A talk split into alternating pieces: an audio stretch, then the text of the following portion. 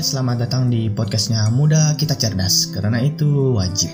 Bersama gue Toha Di channel ini gue akan ngomongin tentang self-development and education financial. Di episode pertama ini Yang gue akan bahas adalah tentang budgeting gaji per bulan. Di antara kalian, para audiens gue Pasti ada yang merasakan Gue kerja 30 hari atau satu bulan Terima gaji kok baru beberapa hari atau beberapa minggu gaji yang gue terima sudah mau habis aja ya? Udah tinggal dikit aja ya. Ke mana aja? Mungkin di antara lo setelah menerima gaji lo membayar cicilan. Entah cicilan HP, cicilan motor, dan lain sebagainya. Kalian traktir teman, kalian memberi orang tua, kalian zakat. Which kalau zakat wajib ya karena di agama gue Islam gaji pemasukan yang kita terima dua setengah persennya itu adalah hak orang lain. Jadi wajib kita keluarkan. Lalu bagaimana cara mengatur gaji ataupun budgeting per bulan untuk kita para milenial terutamanya? Coba deh lu lakukan beberapa tips yang akan gue bagikan di podcast ini coba lo mulai bikin budgeting atau anggaran per pos-posnya sebelum lo menerima gaji per bulan.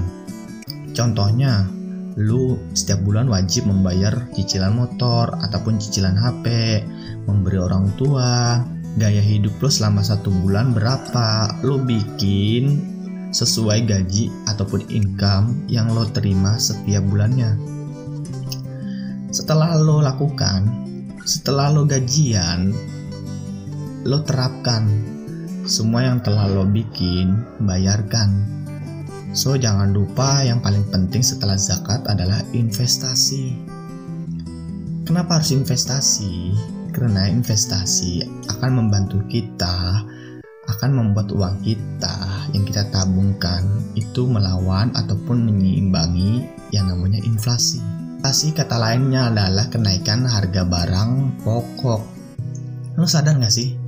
zaman tahun 2000-an harga mie satu bungkusnya cuma 500 ataupun 1000 lah paling mahal dan sekarang coba lo beli mie ke warung harganya 2000 bahkan ada yang 2500 itulah yang dinamakan inflasi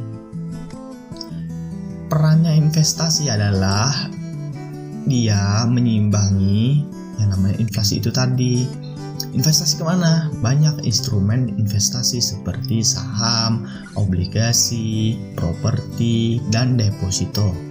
Which is gue sendiri mainnya cuma di saham karena gue pahamnya di saham.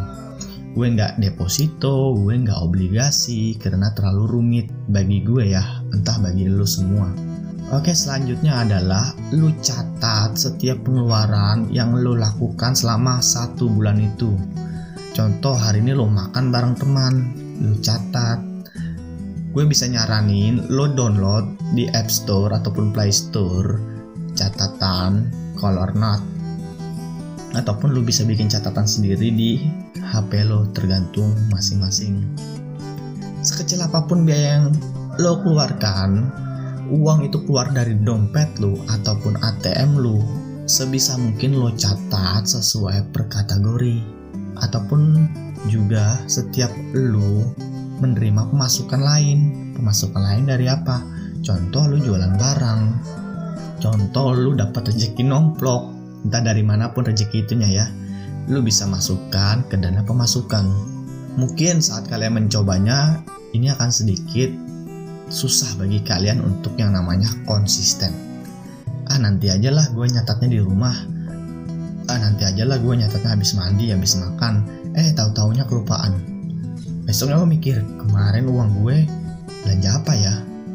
Coba deh lo mulai sedikit demi sedikit satu langkah step by step mulai konsisten karena seribu langkah itu dimulai dari satu langkah jika satu langkah saja kalian tidak bergerak, kalian tidak melakukannya, bagaimana kalian bisa mencapai seribu langkah?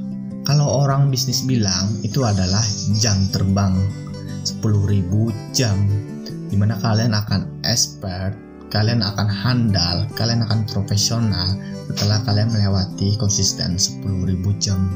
Terus yang selanjutnya adalah lu spare biaya ataupun kebutuhan lo yang terlalu over.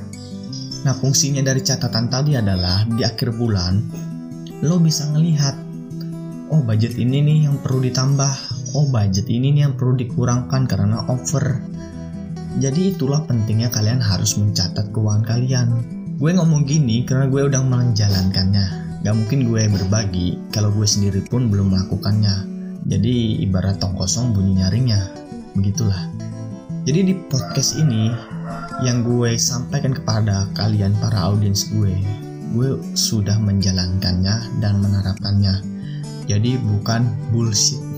Kalau kata-kata orang sekarang adalah omdo, omong doang.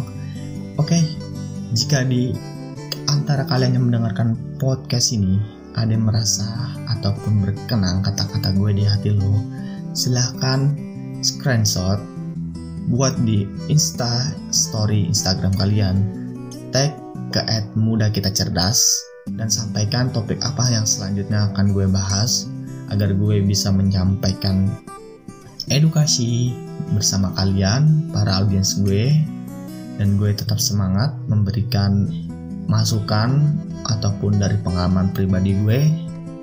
Oke, terima kasih telah mendengarkan podcast ini di channelnya podcast Muda Kita Cerdas. Terima kasih, sampai jumpa di episode selanjutnya.